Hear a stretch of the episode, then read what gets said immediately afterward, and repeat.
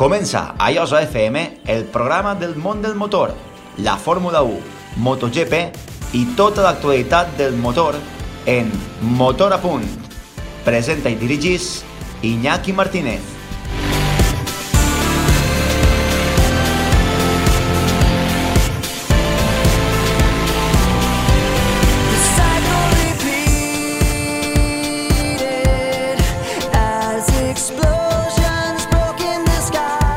Hola, què tal? Benvinguts a Motor a Punt, el programa d'informació del món del motor de 2 i 4 rodes de Jos FM i la xarxa d'emissores municipals valencianes.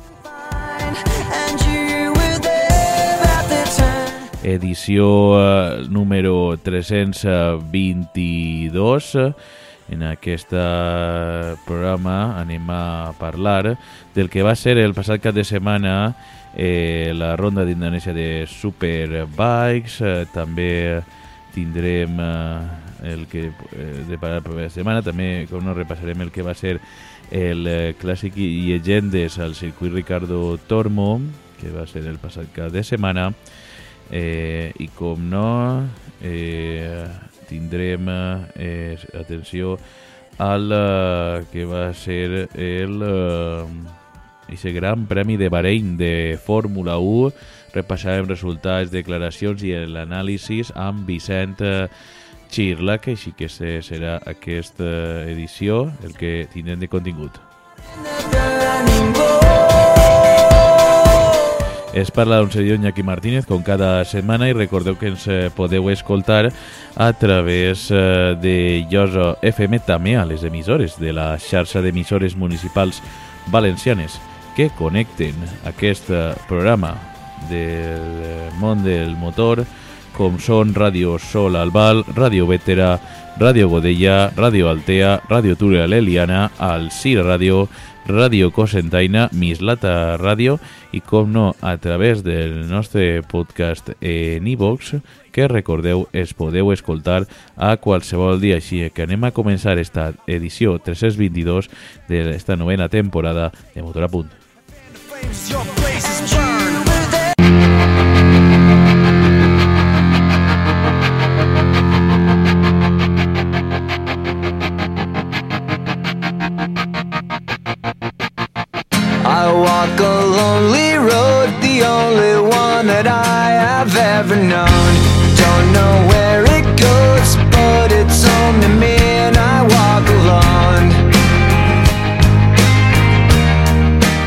Anem a començar i ho fem parlant eh, del que va ser el eh, passat eh, cap de setmana Superbikes en la ronda d'Indonèsia, la segona prova del campionat eh, del eh, d'este eh, campionat del Superbikes eh, que anava a este circuit de Mandalika Street Circuit. Eh, En la primera de les carreres, la victòria va ser per a Álvaro Bautista, segona posició per a Topat Rastacoglu i tercera posició per a Andrea Locatelli, mentre que les posicions dels eh, de, de espanyols, a part d'aquesta victòria d'Álvaro Bautista, setena posició va ser Xavier Bergue i la dotzena posició per a Iker Lecura.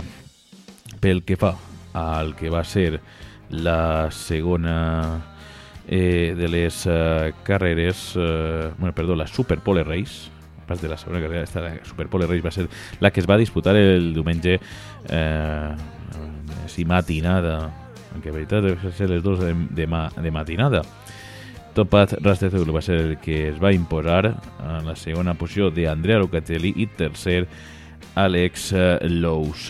Eh, la sisena posició de Xavier Biergue dins dels punts. Ja fora dels punts va acabar en la posició de el València Iker Lecuna i mentre que Álvaro Bautista eh, es, es va caure en, en la cinquena volta i no va poder finalitzar la carrera. Un 0 per al de, Talavera de la Reina que en este cas Álvaro Bautista és el que se imposava en la segona de les eh, carreres.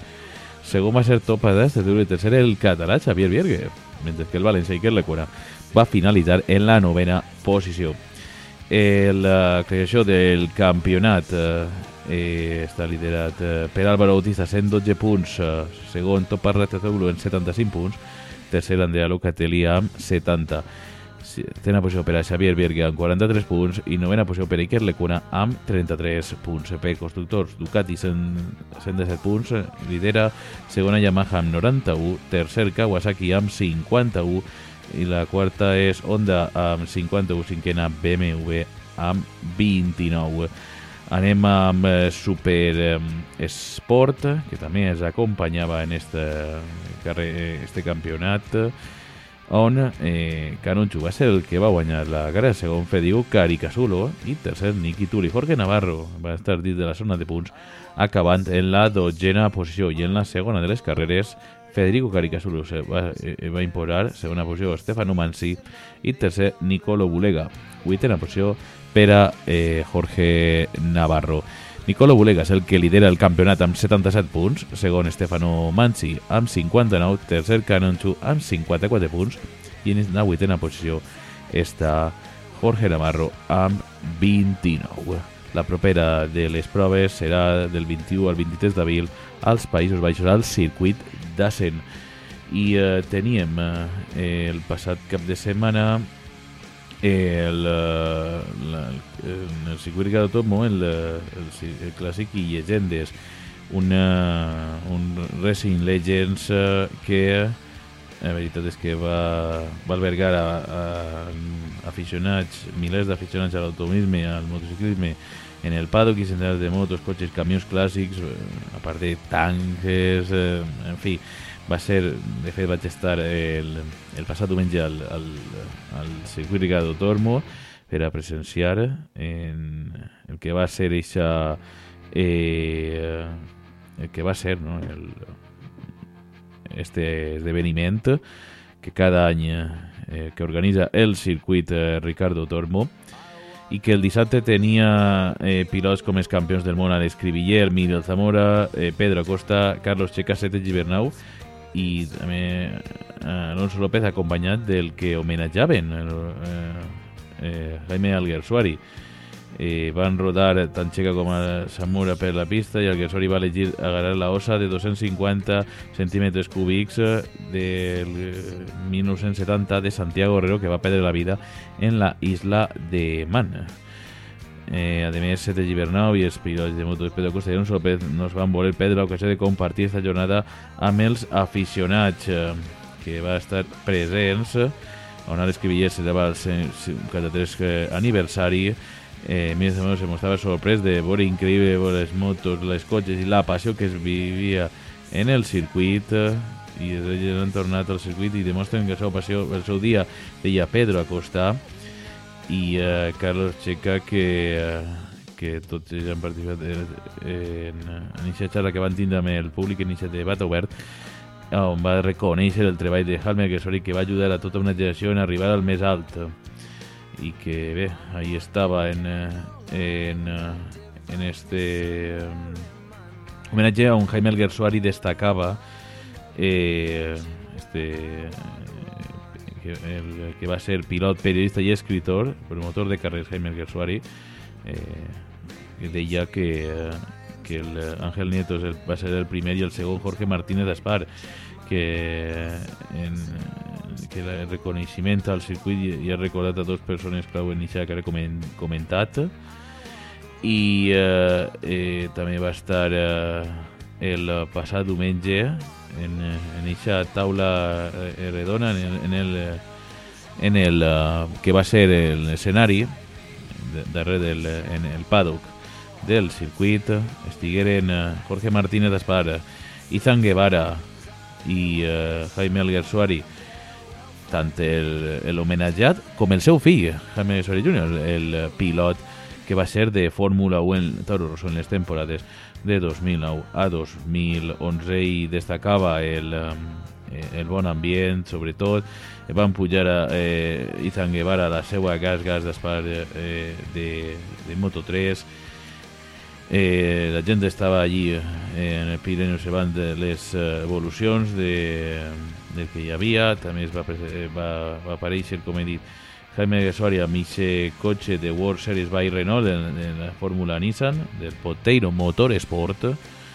Ixe, en este cas, estava aquest cotxe exposat eh, amb el mono de, de, de Toro Rosso estava el Jaime Gersuari que, que va tindre també aquesta participació i que eh, a més eh, es para recordar el que ha sigut Jaime Gersuari eh, en les, en la, que li va fer la seva primera entrevista en Solo Moto i que Jaime sempre ha recordat el motociclisme als pilots i a més segur clau en la posta en marxa del ciclista d'Atomo com Adrián Campos i ell mateixa eh, el, el pilot del Gira rebut la visita va rebre d'antics propietaris d'Àfrica Derby, Santiago i Andreu Rabassa i han firmat eh, centenars d'autògrafs en aquest moment el pilot de Fórmula 1 Jaime Gasuari va destacar el protagonista de, eh, també va ser en este cas d'aquest diumenge Diu que és increïble veure al meu pare que després de, de tants anys se li reconeix que tot el que va fer no són en les motos, sinó també en l'automòbil. Estic eh, molt emocionat de veure figures com el que van viure ahir i hem vist avui reconeixent que el que han fet i que s'ha posat un moment per a ells. I que bé, també més de mil vehicles van participar en aquesta vuitena edició de Racing Legends, cotxes, motos, camions, bicis de l'època, que han portat un temps a més de 10.000 aficionats tinguent l'oportunitat de veure en el paddock a pilots de llegenda, com ja comenta Carlos eh, Checa, l'Escrivillers, el de Gibernau, Mira Zamora, eh, Format Espar, eh, també el mític Carlos Lavado i molts més, altres pilots, també van veure a, el mític eh, Salvador Canelles, eh, que també estava present allí, a més dels pilots mundialistes, Pedro Acosta, eh, Alonso López i el últim campió de, de Moto3 de, de la passada temporada, Izan Guevara. Així que eh, espectacle que van veure el passat cap de setmana en el Racing Legends eh, al circuit Ricardo Tormó. Així que esto és el que tenim i dir que està proper cap de setmana el, uh, comença el, uh, el WEC amb una pròloga en les mil milles de Sebring. La setmana que ve serà ja la prova de Sebring i que també analitzarem el que ha sigut eh, la setmana el calendari. Anem a seguir parlant de, de mens que comencen este proper cap de setmana.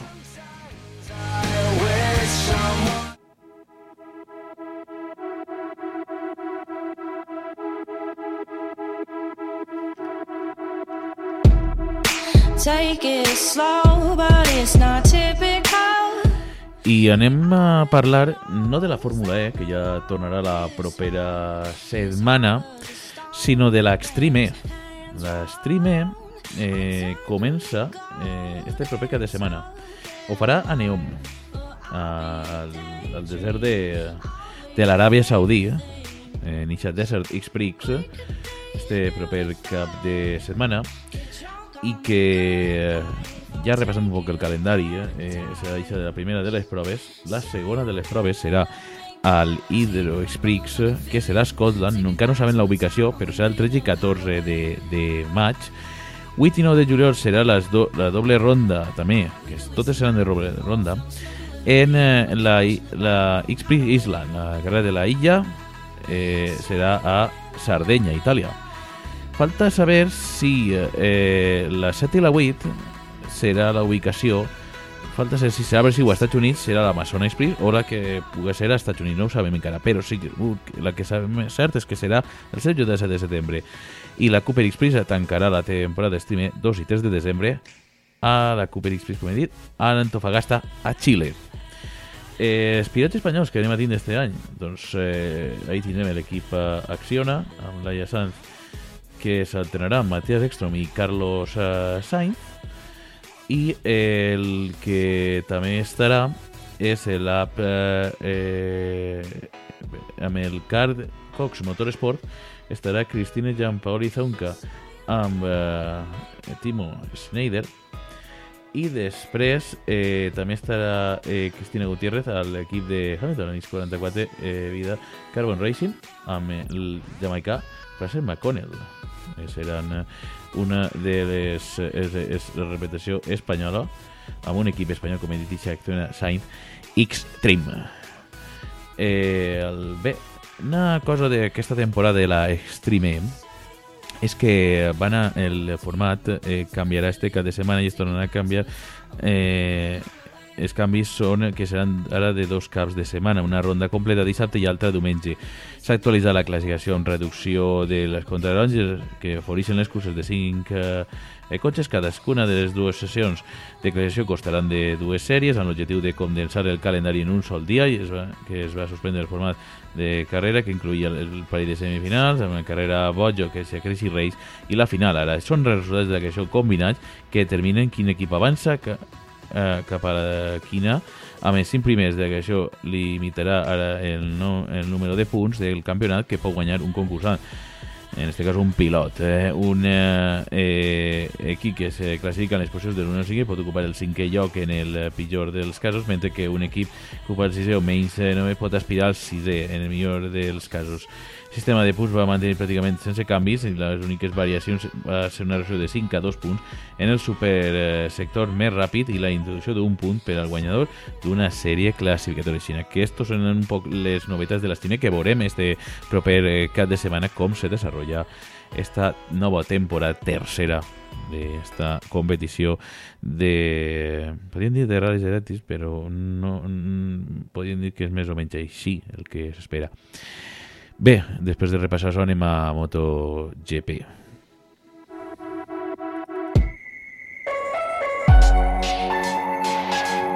En Motor a Punt parlem de MotoGP.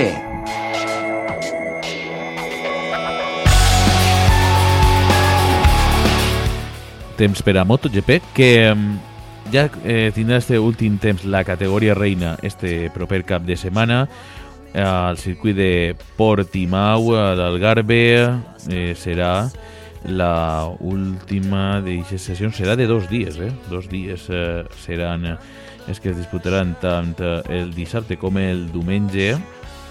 I eh, teníem eh, notícies on estan disputant estes de, de moto esta setmana al circuit de, de Jerez on eh, Jordi Torres Maria Espar, que ja ser, eh, Maria Herrera, perdó, que estaven en l'equip Espar la setmana passada, es va presentar, l'equip de Moto E diuen eh, el més alt del podi és el que volem aspirar. El Gas Gas es va presentar amb Pol Espargó i Augusto Fernández, diu que estarem en el eh, més alt, són les expectatives, una moto pràcticament eh, roja amb els colors de la Gas Gas, però recordem que és una KTM el que tindran eh, el, el que serà l'equip eh, de eh, satèl·lit de, de, de KTM. L'equip de Rossi apunta més al que mai els uh, pilots, tant Duca Marini com uh, es van presentar i també es van presentar l'últim eh, esta setmana també el CR Honda on diu que el Rins se presenta el meu somni actual és ser campió la veritat és que estan animant-se molt els equips eh, esta, esta part de la pretemporada ja que eh, tal vegada doncs eh, eh, aspiren a, aquesta incertidumbre de qui serà el, campi, el campió i intentar batre a les Ducati oficials que a priori pareixen candidates a guanyar. Honda diu que Marc Márquez ja ha sigut capaç amb un braç i mig de donar-ho tot i des de Alberto Puig confia que el, el campió i Mir eh, en l'espera reacció tècnica de l'AGC confia molt en que puguen a dur a terme eh, poder estar ahí això i, i insistís que no és que siga sí o sí en guany, sinó que tots els anys i tinguem que viure cada any i tenir l'aliança de donar el màxim i lluitar per el Mundial. Sempre se fa autocrítica, però els nostres eh, pilots donen un gran pas avant i sabent que tenim un problema i reconèixer que ja és avançar alguna cosa i que esperen poder estar en la batalla este mundial. Sí que és el que tenim de notícies, ja diguem, la propera setmana eh, contarem com han sigut aquestes últimes jornades de test en, uh, de MotoGP esta temporada que tindran en lloc en Portimao des de les eh, 11 del matí hora espanyola fins les 6 i mitja de la vesprada, també hora espanyola, una hora menys serà en, eh, en la ciutat, el circuit portuguès. Ara anem a passar a la Fórmula 1.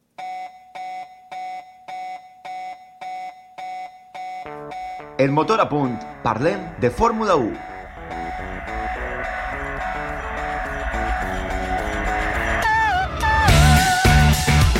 Temps per a la Fórmula 1 i anem a mixe Gran Premi de Bahrein, el primer de la temporada i en el que la carrera de Fórmula 1 la victòria va ser per a Max Verstappen, segon eh, Checo Pérez, tercer Fernando Alonso completen la zona de punts, quart Carlos Sainz, cinquè Lewis Hamilton, sisè Lance Stroll, setè George Russell, vuitè Valtteri Bottas, novè Pierre Gasly i en la posició número 10 per a Alex Albon.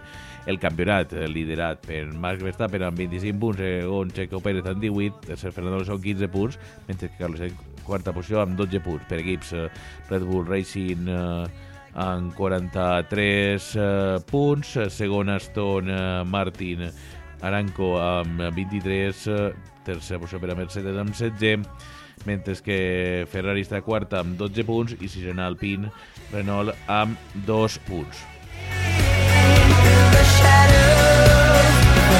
Ara de seguida analitzarem el que va ser esta carrera amb eh, Vicent Xirlaque, però bé, abans eh, eh, anem ja per acabar els resultats amb la Fórmula 2 i la Fórmula 3, que va començar també la temporada per a ells, i en la Fórmula 2 la victòria en la primera carrera va ser per a Ralf Boschung, segon Dennis Hauer, tercer Víctor Martans. Posició número 10 per a Berat Benavides, eh, el pilot eh, eh, que, eh, de llicència britànica però que té nacionalitat espanyola i de Guatemala. Eh, Teo Porcher va ser el que guanya la segona de les carreres, eh, la, la carrera més llarga, segon Ralf Bosch, tercer Sam Maloney, posició número 18 per a Brad Benavides. Eh, en este cas, eh, Teo Porcher és el que lidera 32 punts, segon Ralf Bosch un 28, tercer Sam Maloney amb 15 Be- Benavides, eh, pues 22 és cap punt eh, per equips. Campo Racing és el que lidera amb 42 punts, segon el Grand Prix amb 38 i tercer Rodin Carlin amb 18 punts. Pel que fa a la Fórmula 3, el que va aconseguir eh, la victòria en la carrera de sprint va ser Pepe Martí, eh, segon Franco Colapinto i tercer Cayo Colet. Mariboya va acabar en la posició número 15 fora de la zona de punts i en la segona d'esta carrera, en este cas la carrera llarga, Javier Bor Bortoleto. Va ser el va guanyar segon Oliver Goet i tercer Dino Veganovic, sisena posició per a Pepe Martí, dins dels punts, fora dels punts eh, no va poder finalitzar la carrera. Mariboya. En la classificació de l'esta Fórmula 3 de pilots, eh, Javier Bortoleto, 26 punts, eh, segon Oliver Goet, 23, tercer Dino Veganovic amb 22, Pepe Martí eh, està en la quarta posició de neu i després eh, Maribo ja en la posició 20 se punt eh, per equips Trident eh, és el que lidera amb 52 punts segon Prema 28, tercera Gran Prix 22 quarta posició per a Campos Racing amb 10 punts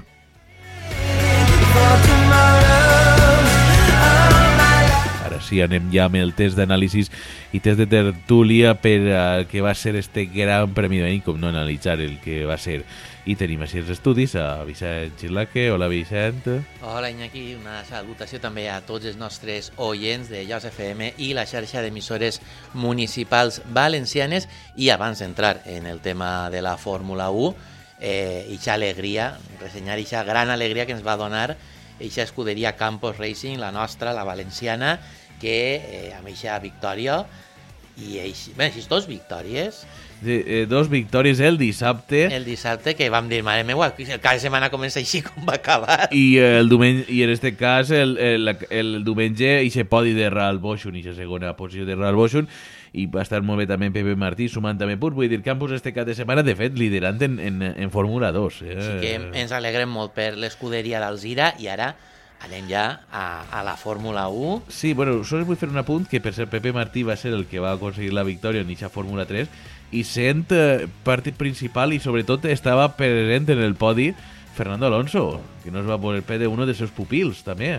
perquè recordem que Fernando té una de les eh, agències de, per exemple, de pilots de, per a futur.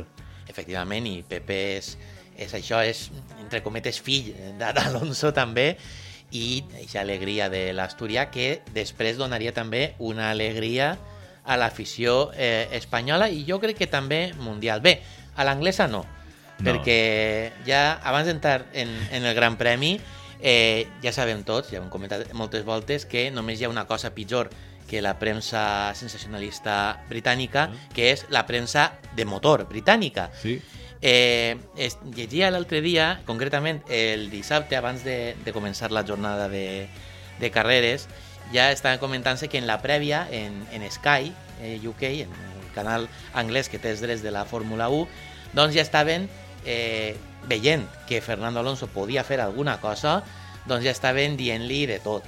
Estaven clavant-se en ell, que si és maleducat, recordant l'Spygate, o sigui, ara sense vindre a compte, que això no seria un problema si no fora perquè això és el senyal que la FOM, la organitzadora del campionat, considera que és el més imparcial, el més equànime i el millor i el que de fet en la gran majoria del món anglosaxó tenen com a retransmissió, és a dir, no fan retransmissions pròpies, com per exemple hi ha una retransmissió per Espanya i una retransmissió per a Llatinoamèrica, que són diferents. No, no, la retransmissió en anglès en pràcticament tots els països és la que fan en el Regne Unit en Sky. Per tant, eh, és un poc preocupant que l'organització d'un campionat estiga donant-li tant de, tant de privilegi a uns senyors que es dediquen Vull dir, en aquest cas és Alonso, però també ho fan en qualsevol pilot Sí. que intente fer-li ombra a el seu adorat eh, Lewis Hamilton, un Hamilton que, per cert, ha demostrat una vegada més ell i la seva escuderia, que va darrere d'ell, com sempre, han demostrat una vegada més que són xiquets de Volkers quan eh, la FIA eh, la setmana passada va recordar eixa prohibició de portar eh, tot tipus de piercings, pendents, etc en el cap per tema de seguretat, igual que els futbolistes Sí, sí. ho tenen prohibit en molts esports perquè vull dir, sí, porten casc, etc, però eh, sempre pot haver algun tipus de problema tal, ho van recordar i Hamilton, com sempre té necessitat de fer-se la víctima, va dir que ells no i va eixir ell plorant, van eixir també l'escuderia plorant, que per cert, parlant de l'escuderia plorant, eh, en la sèrie de Netflix, Drive to Survive, la sèrie oficial Sí, de, la, correcte, eh, de la FOM, de la que 1, jo no l'he que- vista perquè no tinc Netflix, ni ganes, però, eh, ni ganes de veure la sèrie, dic. Jo sé que l'ha pogut veure. Però sí que gent que l'ha vista, molta gent que l'ha vista, Sí. ha comentat que és el pitjor que es pot fer, perquè amb tot l'accés que té eixa gent a eixa sèrie, vull dir que tenen accés perquè és la sèrie oficial de la FOM, per tant tenen accés a tot, En, en, I- en, encara que, per cert, aquesta sèrie, n'hi ha que dir-ho, no, són, no estan tots els equips representats. Alguns pilots no tenen contrat per a que Netflix és que ahí està l'assumpte, perquè tenen accés a tot i decideixen obviar moltes coses i centrar-se només, perquè clar, al cap i a la fi, si no, no, no estic segur, però crec que els que ho fan són anglesos, ja sabem què passa amb els anglesos en aquest esport, que qualsevol que no sigui anglès és una merda, Eixa és l'opinió que tenen els anglesos de la resta de pilots, perquè diuen, creuen que van inventar ells l'esport i per tant que els que importen són ells i els seus pilots que ells decidisquen que són, que són bons. I doncs això, molta gent la critica per això, perquè eh, tot i tindre accés total a totes les imatges, a qualsevol lloc que qualsevol altre mitjà de comunicació de motor mataria per tindre accés ahir, doncs ho desaprofiten totalment. Però eh, van circular unes imatges de eh, quan estaven recordant aquell famós moment del proposing este, del propelling este, aquell moment en què Hamilton i Mercedes deien que el seu cotxe votava molt i que volien que tots els cotxes tingueren eh, que, que canviaren Sí, unes eh, coses en tots els cotxes sí l'he perquè ells votaven molt, que ningú més tenia aquest problema, doncs eh, hi ha una reunió dels caps de totes les escuderies Mhm. amb eh, el nostre amic, el, el, bé, el lacayo, bàsicament, de, de Hamilton, Toto Wolff, eh, dient que era una indecència, que, que s'havia de, havia de canviar-se, perquè, clar, perquè si no, qui pensa en la salut dels No, pilots? sí. I tota la resta de pilots dient-li, doncs bé, si nosaltres no tenim cap altra escuderia de pilots, no, perdó, de caps d'escuderia, cap altra escuderia té aquest problema. Si tant vos preocupeu per la salut dels vostres pilots, feu canvis vosaltres. Però, clar, evidentment a Mercedes no li interessava perquè Mercedes el que volia era que la FOM i la FIA obligaren a una sèrie de canvis per a acurtar ells la, la distància amb la resta d'escuderies. Claro. Això és el que és Mercedes. És- és el que és I és el Mercedes. que hem denunciat des de fa anys, que Mercedes, si no compta amb eixa, amb eixa beneplàcit, eixes normes arreglades per ell, per a la FIA, doncs no és feliç. No, és, no està content en guanyar, sinó han de arrasar. Com arrasar... Han de tindre el domini. Efectivament, com va dominar mm, sorprenentment, entre cometes, Red Bull este passat cada setmana, Eh, perquè sí. pensaven que anava veient els tests, veient també fins i tot classificació fins la Q2, eh, semblava que hi havia més igualtat i després en carrera, uf, Jo eh, tenia la presus, eh, presumpció de... Quan vaig acabar eh, la creació de Vesprada, vaig tindre un presentiment que me deia Iñaki, esto no ha cambiat. Esto lo únic que ha passat és que ha enforcit més a, a, a Red Bull. Esto ja eh, va ser un, un domini. Sí. Per una part es va complir.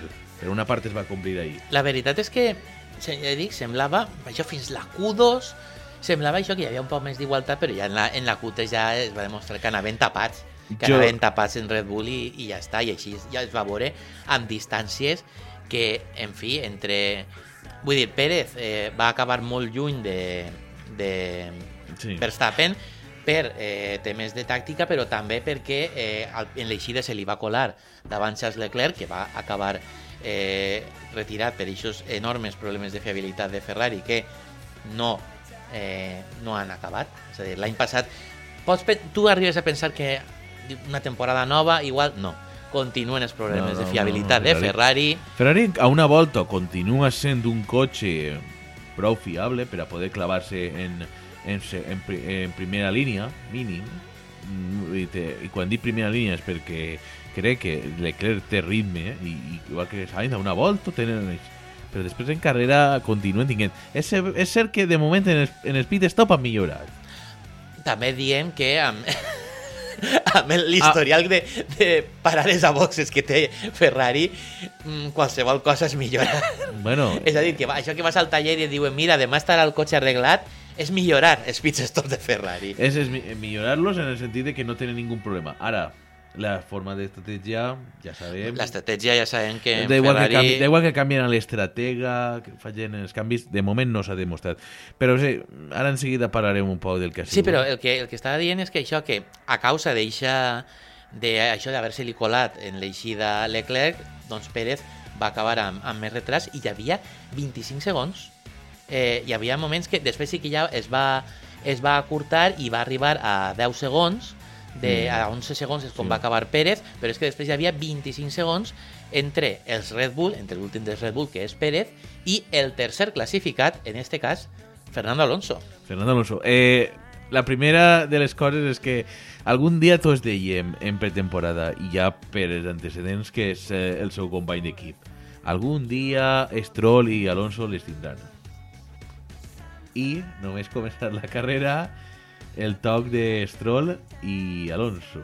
Sí, però no va ser tant... O sigui, va ser per inutilitat de Stroll, evidentment, però vull dir, no va ser eh, tant com per marcar domini, per marcar terreny, que és el que nosaltres pensàvem, perquè ja sabem, ja ho vam veure la temporada passada amb eh, Sebastian Vettel, i ja ho hem vist en temporades anteriors, que eh, és eh, el, el pare de la criatura, eh, l'amo de, de l'escuderia, evidentment vol que Sí, qui lluïsca Stroll. siga Lance Stroll, perquè per això paga ell.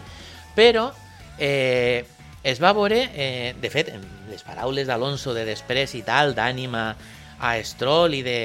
tal, Pareixia també com si fora un pupil més d'ell, com si fora Pepe Martí o, o un d'estos, les paraules que estava dient-li en, en els compassos finals de la carrera i quan va acabar a, a Lance Stroll, sembla que de moment hi ha bona relació entre els dos pilots. Entenc que també perquè eh, no sé què hauran fet eh, en guany en Aston Martin, ho deia Alonso, diu, què heu fet? què heu fet amb este cotxe? Sí. Eh, en, en Red Bull tenen una teoria, de fet, eh, van insistir eh, tant des de la pròpia escuderia com els propis pilots van insistir en dir que era eh, l'Aston és el Red Bull de l'any passat, el Red Bull antic, van, van dir en diverses ocasions, com menys tenint l'escuderia eh, anglesa, però eh, el que és cert és que eh, després d'una temporada desastrosa l'any passat, eh, venint de les expectatives que venia l'escuderia, eh, que nosaltres quan Alonso va fitxar vam dir, mare meua, on se clava, una escuderia que està anant malament, que està el Stroll ahí mm, com a 10, que és qui ha de fer-ho tot bé, i la veritat és que enguany ens han sorprès per a molt bé. Perquè tot i, com diem, tot i que Stroll, ja sabem que no és el millor pilot de la No. història de la Fórmula 1 precisament, tampoc el pitjor, eh?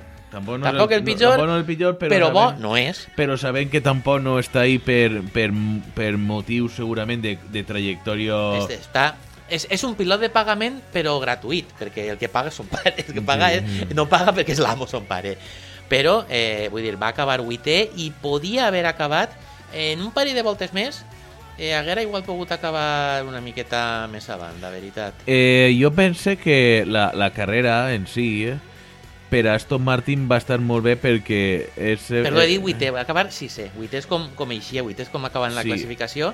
Va quedar, això, va Sisè. quedar sisè i amb un poc de... Si haguera un parell de voltes no, però tres o quatre voltes més igual haguera pogut donar-li algun esglai a, a Hamilton. Sí, eh, però fixa't el que, el que va ser, no? Eh, eh, Fernando Alonso eh, va avançar diverses posicions al principi, eh, tenia la lluita amb els Mercedes, la, part de, la, la, la gran majoria de la part de la carrera és la lluita amb, amb, amb Russell, que passa dos voltes, li costa passar-li, de veres que el DRS sí, Mercedes ten, té més punta de tracció que l'Aston Martin, tenia més motor en aquest aspecte, i clar, la velocitat punta del Mercedes està clar, és difícil.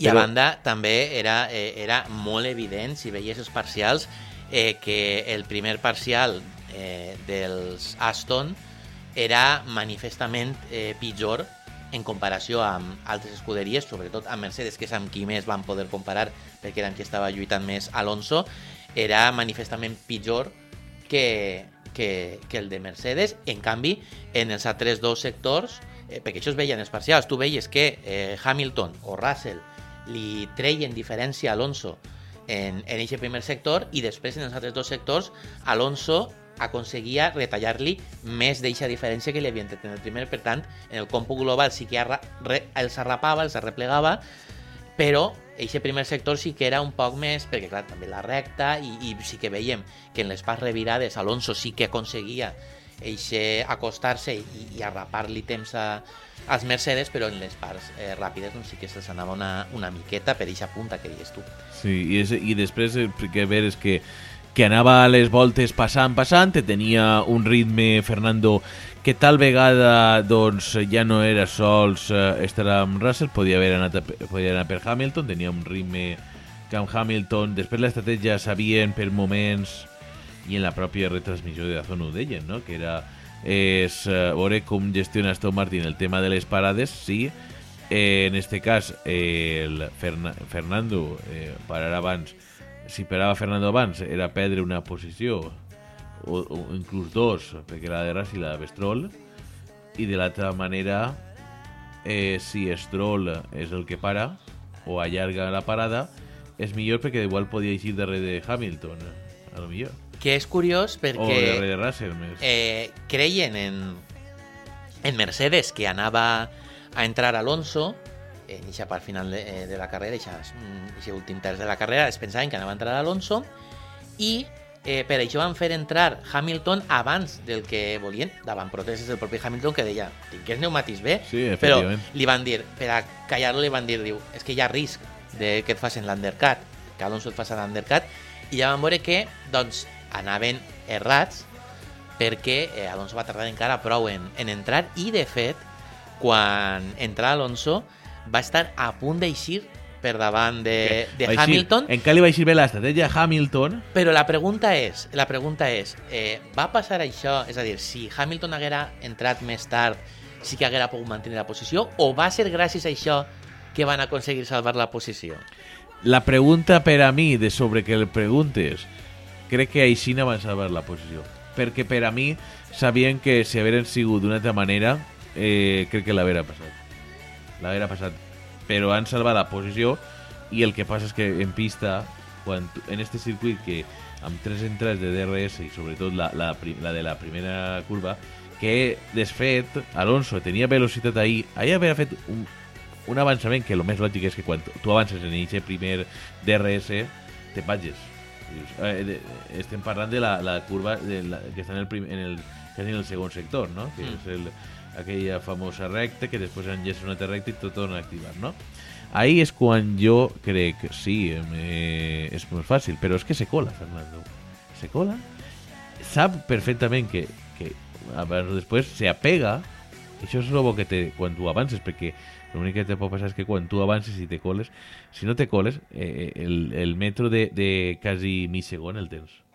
Però en aquest cas, com dius tu, Alonso va passar una miqueta i doncs això va passar Hamilton, però clar, Alonso va estar darrere i de Que seguida va poder tornar va poder a avançar. en una passada que passada que passada jo alguns mm, jo no dic que a lo millor no, però millor Hamilton, si haver tingut un poc més, podria haver-li lluitat, però sabia Mercedes que ara mateixa no tenen el cotxe per estar un poc més lluitant. Saben que la guanyada partida és Tom Martí. I després, crec que la, eh, la despesa de, del que va ser eh, Carlos Sainz tant d'ahorrar pneumàtic eh, va fer que amb el ritme que tenia Alonso, no? També, eh? També també t'he de dir que jo crec que eh, en Mercedes eh, van salvar un poc els mobles precisament no lluitant, com dius tu, amb, amb Alonso, perquè si haguera estat lluitant més, si haguera estat pegant-li més, no hagueren arribat uh, al final i mm, hagueren hagut igual de fer una altra entrada i hagueren perdut més posicions per tota causa d'eixa entrada tan matinera per intentar tapar-li eixe possible undercut a Alonso. I eh, si hagueren xafat una miqueta més i no hagueren hagut d'entrar, que hagueren pogut mantindre's fora, Lance Stroll podia haver passat a, a Hamilton per això, per eixe desgast, perquè veien que això, tot i que al final va acabar a, a, 3, eh, a 3 segons i mig, eh, una volta abans estava a 4 segons. És a dir, si haguera tingut eh, una miqueta més de lluita, haguera lluitat un poc més Hamilton i haguera castigat més els pneumàtics, eh, probablement Stroll li haguera, li haguera donat un esglai bonico en les últimes voltes. Sí, és, és això, no? Totalment d'acord. Jo penso que Stroll haver arribat, eh? Haver arribat a Hamilton si hauria donat unes quantes voltes més. I bé, al final de carrera, eh, el- l'únic virtual, l'única cosa que va aparèixer, ni que raro que no veure ni una bandera groga. Entonces és curiós, no? Perquè sempre de normal Bahrein Mm. no és un circuit que de normal alguna vegada que altra apareix el no és això, però esta volta s'ho va aparèixer un virtual amb un Leclerc que... Eh, Sí, un cotxe de seguretat virtual en la retirada de Leclerc que es quedava sense motor, com dèiem, aquests problemes de fiabilitat de Ferrari, que va ser sorprenentment ràpid en eixir el cotxe de seguretat virtual. Si això significa que aquesta temporada eh, van a fer les coses bé des de direcció de carrera, m'alegre. Perquè ja dic, jo quan va eixir el cotxe de seguretat virtual, per a mi, igual no feia falta perquè eh, el propi sí, està- Leclerc havia aparcat molt, molt prop d'eixa escapatòria, per tant jo crec que igual amb doble bandera groga s'haguera pogut salvar. una Però, escapatòria que pensem estaven els comissaris ni me grua. però si eh, això vol dir que enguany van a fer les coses bé i de seguida van a tirar un, un cotxe de seguretat virtual quan hi ha algun perill en pista, no com feren l'any passat, no recordo en quina carrera, crec que era en el Japó, Sí, llavors... en la, que vam comentar així en, en el programa, que eh, es van tirar més d'una volta amb un perill en pista sense traure el cotxe de seguretat virtual I amb una boira que no veia res. i, vull dir, i en una posició manifestament més perillosa que la de de, la de, que la del dijous de, vull dir, dijous, la del diumenge de Leclerc perquè Leclerc sí que estava apartat fora i en aquella, en aquella ocasió hi havia un cotxe en, en pista no dins del tot, però mig en pista. Per tant, si això vol dir que enguany van a pensar més en la seguretat dels pilots, benvingut siga. Si simplement és perquè es van equivocar al donar-li el botó, que és el que pot haver segut, doncs... Sí. En fi. Eh, en fi, i després el que va ocórrer és que Leclerc, que ara de seguida quan parlarem del que li, del que li va passar a Leclerc, que ja, té, ja Leclerc que té un problema... Que, per cert, abans de la carrera ja va haver de canviar Sí. una unitat de potència. La primera de la temporada abans una, del primer Gran una, de Premi. les, una de les bateries que pareix que no funcionava és el que ha tingut que canviar. No és el canvi de tot el motor, perquè recordem que el motor té uns components Mm. que tu, eh, segons quina la importància, pots penalitzar entre eh, quan ja s'acaben les dos que tens cada any. Entonces ja la primera ja la canvies. La primera en la frente. I, i en este cas és el que anava a dir, no? Eh, però ja ho dic, si no ja per si de cas, que és que ara Leclerc la, la, gasta la segona part d'este de, d'este component i fa que no puga ja eh, en este cas es trenca i per això té el, ese abandonament se li para el cotxe i què passa? Que ara Leclerc eh, cada vegada que canvia este component Sanció. sanció, va tindre que penalitzar Així que si ja anava, no anava molt bé la cosa en, en Ca Ferrari, doncs ara l'alegria és ja immensa, evidentment. Sí. Sabent que cada volta que li falle eixe component a Leclerc, Sí, ara els contaré. doncs bona nit, Cresol. Eh, si et sembla, anem a repassar una miqueta. La veritat és que en altres pilots, per exemple, la carrera de Carlos Sainz Sí. no va ser molt Correcte. molt lluïda, perquè és el que comentem, se'n van anar de seguida els, els Red Bull, Pérez va aguantar una miqueta més perquè li feia tapó entre cometes Leclerc fins que va trencar motor, però clar, Carlos estava en, en terra de ningú i doncs tampoc va poder fer massa perquè el Ferrari és el que és, ja diem, semblava que estaven més prop en test, en, el- fins i tot en els lliures, però ja hem vist que almenys en este circuit eh, la cosa no, no era així. Em parla ja de Mercedes, em parla ja de, també de Sí Lance que és Stroll. que, que Carlos, li, de fet, és que volia comentar-ho també, eh, aguanta tant, aguanta tant i al final Alonso és quan li passa a Carlos, que tenen un toc ahí, un moment, que, que, Sí, va, sí. que va ser tocar, diu, Toc, hòstia, que si si que jo em dic, dos". s'han tocat, no s'han tocat, i sí que Sí, sí, sembla sí, finalment sí. que s'havien tocat, ho deia també el propi Carlos per, per ràdio, i bé, eh, la resta del, del top 10, eh, Valtteri Bottas aguantant eh, molt, jo crec que ja no, al final no sé com, com aniria de pneumàtics, però, però jo crec que aniria molt curtet igual. Eh, vam veure també estratègies molt estranyes, com gent eh, parant amb 18 voltes de, de pneumàtic blanet quan un poc abans hi havia gent que havia parat amb 16 de dur. És a dir, una, unes estratègies un poc mm, estranyes també. Eh, deien que els durs tenien menys degradació del que era esperable, del que s'esperava i per això probablement tant Alonso com Hamilton i la resta de pilots van aguantar tant amb, amb eixes gomes finalment. I, i bé, després també destacar el paper de Pierre Gasly que amb la xanca que, que és l'Alpine va fer, va fer una gran remuntada Eh, correcte, és el que estava eh, en, en, en, en, en, eh, en Pierre Gasly, no? Al final fa una magnífica remuntada, no com el seu company. i ahí, ahí anava jo. Dic, anava a dir jo que contrasta absolutament amb el, el show cómico taurino que va muntar Esteban Ocon, Esteban Ocon. Que va tindre dos sancions, no, no, no, no. O tres, tres. Tres, O sigui, tres. va ser una Tres, eh? fantasia perquè va encadenar, o sigui, va ser con do doble tirabuzón, triple axel, va encadenar tres sancions. El van sancionar per una cosa que no es va veure molt clara perquè ahir, eh, perquè este cada setmana, tot s'ha de dir, el realitzador estava dormit. Sí, no, el realitzador Estava dormit. problema perquè també estava una lluita entre Hamilton i Alonso quan estava a 4 segons i no el veiem. Eh, estava absolutament dormit, ens arribaven notificacions de direcció de carrera, fins i tot sancions, i no veiem el motiu de la sanció. Per exemple, este cas, la sanció de primera sanció que li aplega Ocon, que és eh, per no estar ubicat correctament en l'eixida. Eh, arriba la repetició, crec que van ser 7 o 8 voltes després de, la sanció, i des de la càmera a bord del cotxe del propi Ocon, que clar, ahí tu no pots apreciar bé eh, si està exactament bé o no.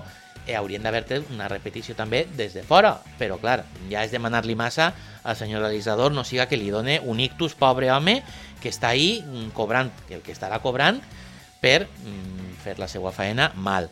Després, quan serveix eixa penalització de 5 segons, resulta que abans que s'acabi aquest temps de 5 segons de penalització, un dels mecànics comença a treballar en el cotxe de Ocon.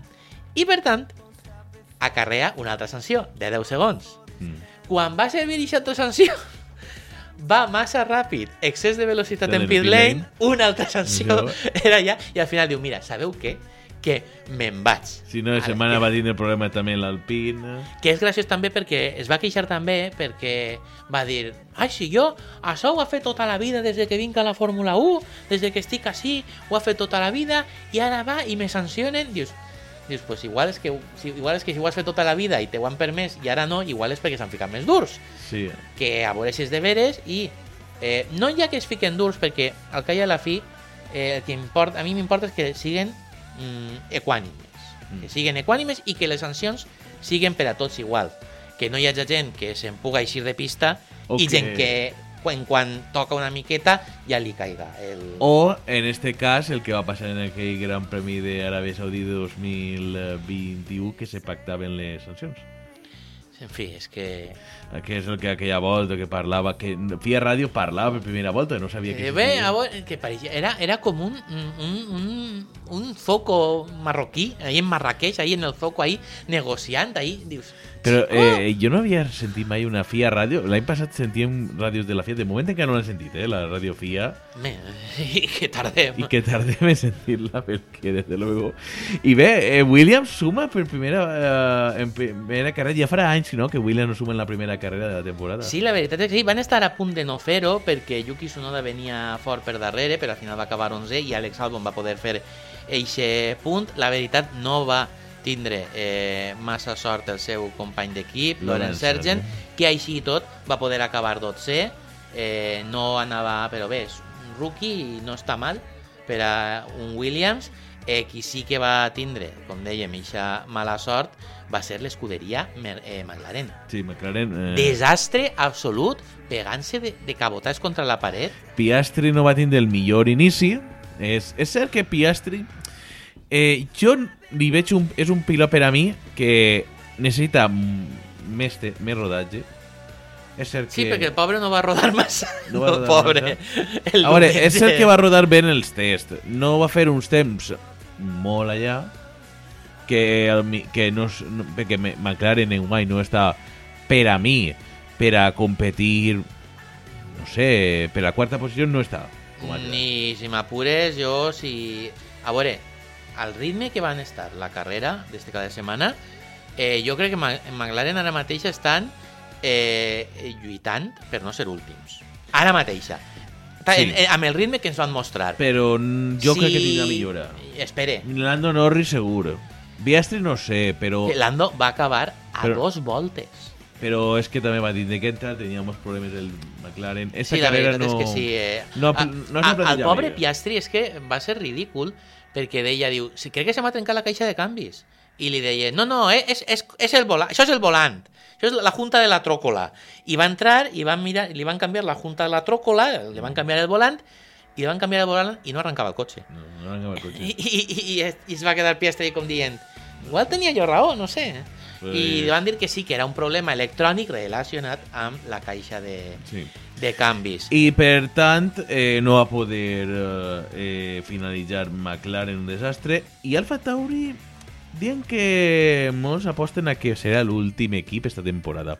Sí, estarà ahí, el que dic, estarà ahí en eixa lluita amb, amb McLaren, encara que, com dic, eh, deia des, Yuki Tsunoda va ser 11 i Nick de Vries, doncs, va ser 14, doncs no va tindre una una carrera molt brillant, també anaves quasi sempre amb els pneumàtics canviats en la resta de, de pilots, va estar molt de temps amb durs, quan la resta anaven amb blanets, i clar, se'l berenaven com si no hi haguera un demà, així que no sabem fins a quin punt és problema del cotxe, problema de l'estratègia o problema d'això, de, de la manca de rodatge. En... Però vamos, ni de Bris, un senyor que té ja el cul pelat de córrer en la Fórmula E, jo crec que ahir és, és cosa, pot ser també d'adaptació al cotxe, Sí. però ahir ja havia un poc d'estratègia i veurem si no també un molt de, del cotxe. Sí, eh, també en aquesta lluita per l'última posició també col·loquen a Haas, Encara que però, Haas, però jo Haas jo la veig mm, Sí. millor que la resta d'escuderies, va estar molt de temps, sobretot que Kevin. Magnussen en el top 10, el que passa és que també el tema d'estratègies i tal es va perjudicar, però mm, jo crec que Haas eh, té, mm, mate almenys el que ens ha mostrat este cada setmana, jo crec que té ja material per repetir almenys els resultats de, de l'any passat. Sí, sí, no, no, no, anem a veure, és que Haas té ja eh, les coses. Jo penso que des de que, que va eixir aquell Nikita Mazepin de la escuderia, jo crec que Haas ha tornat a ser el que era. quan, quan li ja veiem a Haas ja pràcticament desnonada davant la manca de, de diners russos, de petrodòlars o gas, gasdòlars russos, doncs es van reeixir de les, van renaixer de les seves pròpies cendres i ja diem, no van tenir una actuació molt lluïda este cada setmana, però jo crec que és més tema d'estratègies i tal, així que eh, veurem en el proper Gran Premi en Aràbia no, Saudita. no, no, no, vo- no crec que vegem el pilot més infravalorat ja siguent ja el, el, perquè sabem que Nico Hulkenberg jo sempre ho he dit moltes voltes no? és que Nico Hulkenberg és el pilot més infravalorat que n'hi ha en la Fórmula 1 perquè recordem que tantes carreres que té eh, li passarà com a Nick Hayfield no? que tantes carreres el seu compatriota que era un pilot que sempre estava ahí, ahí, ahí i no mai aconseguit ni un podi, ni una carrera... Però bé, eh, No, el jefe sí que aconseguia podis, això que dic jo, si no recordo mal. i Alfa, que crec que no l'hem comentat, Alfa Romeo, Sí, Alfa... havien comentat, a, sí, havien Sí, comentat no Botas, sé. Però no Chu Guan Yu, que es van portar Chu Guan Yu la, la volta ràpida. Sí, això és una cosa que, Clar, que no me- Va, no van intentar-ho ell i Lando. Van intentar-ho ell i Lando Norris. A veure, té, és, un, és molt lògic. Clar, eh, de fet, no ho hem, volia comentar i no ho hem comentat, que Alonso, com dèiem adés, va acabar a 24 segons de Pérez i, per tant, eh, la volta ràpida fins a aquest moment la tenia, eh, si no recorde mal, eh, George Russell, pot ser que la tinguera, Sí, la tenia jo Racela. i, no, mentida, mentida, mentida, la tenia Pierre Gasly. Pierre la va La tindre. tenia Pierre Ah, Gasly vale, Pierre perquè- Gasly la va tindre perquè quan va fer una parada Efectivament. va, va, seguidament la, la va fer. Ara et dic, ara et dic perquè eh, estava ahí, està ahí la clau. Per tant, clar, lògicament, Pérez tenia eixa eh, matalàs, però clar, el tenia molt justet, tenia el matalàs molt justet per entrar i encara eixir davant d'Alonso. Evidentment, si haguera entrat Pérez, li hagueren dit a Alonso, xafa, que pots passar, i per tant no volien jugar-se-la en, en Red Bull i diuen, mira, per un puntet, d'un puntet no anem a eixir de... No, bueno, no anem a eixir de pobres, no, que ells són rics, en este cas. Eh, per un puntet no, anem a, no va passar res, no anem a arriscar la segona posició per la volta ràpida. Per tant, ningú de- d'eixa part d'eixos punts, que són els únics que poden puntuar per eixa volta ràpida, tenien al·licient ni matalàs per a poder entrar per emportar-se-la. Però quan Pierre Gasly ja es veia feliç amb eixe puntet extra, a banda dels dos punts de la novena posició, què passa? Que van arribar tant eh, Chu Guan Yu i Lando Norris, que tenien matalàs de sobre, i tampoc tenien punts, tampoc passava res per perdre una posició, i van dir, entrem, i si aconseguim la volta ràpida, no anem a puntuar, però un equip que probablement siga rival nostre en la lluita pel campionat, de, no pel campionat, sinó per posició en el Mundial de Constructors, o fins i tot un pilot que pot ser lluita d'algun de, dels pilots de l'escuderia, per exemple de Botas, doncs així evitem que aquest pilot tingui aquest punt.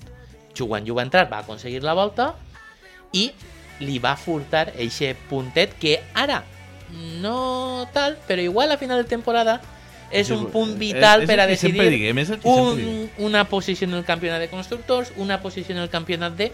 Així que aquesta estratègia que van seguir, per això he recordat que va ser exactament Sempre recordem Era el punt de la volta ràpida. Sempre ens recordem que aquest puntet algun dia se recordarà en algun puntet. N'hi ha que sumar punts. Anem a les declaracions, que sols quedava per això, de comentar ràpid. Eh, les declaracions dels pilots de Verstappen diu que l'aixit ha sigut qüestió de cuidar les rodes. Això deia després de carrera. Eh, Pere diu que m'estic apropant de Verstappen. Sí, va... A veure, Pérez sí que tenia menys ritme que Verstappen.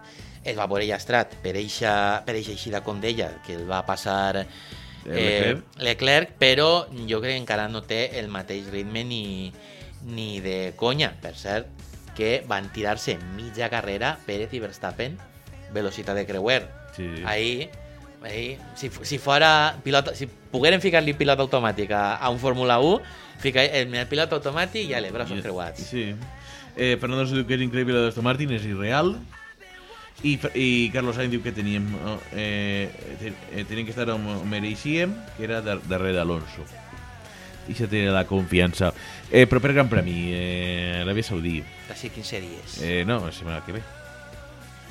Bueno, sí, vull dir que 15 dies entre Gran Premi i Gran Sí. Premi, no este cada setmana, sinó el que ve. Sí, així no és. Ja tenim aquest Gran Premi, estem ja aconseguint també en la setmana d'este Fire, així, però eh, va ser una, un, un gran premi, no?, que veurem eh, en les noves detalls també de- d'este circuit de Lleida, que sempre mm, tinguem algun, sempre aportaran alguna cosa, ja sobretot per seguretat també.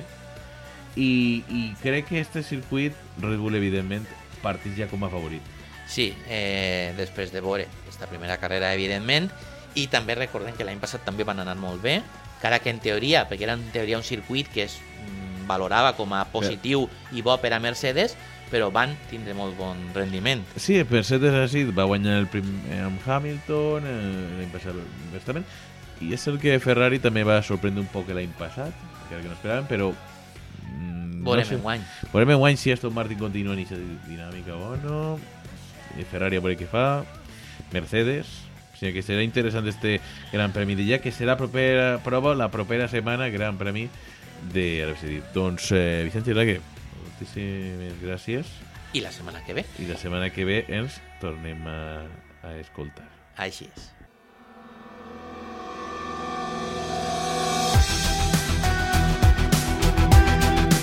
Eh, no tenim més temps. Eh, fins així aquest eh, programa. Un plaer a tots els oients que ens heu escoltat a través de Llosa FM, xarxa d'emissores municipals valencianes i a través del nostre podcast. Que passin un bocat de setmana, que disfruten del motor d'esport. Adeu!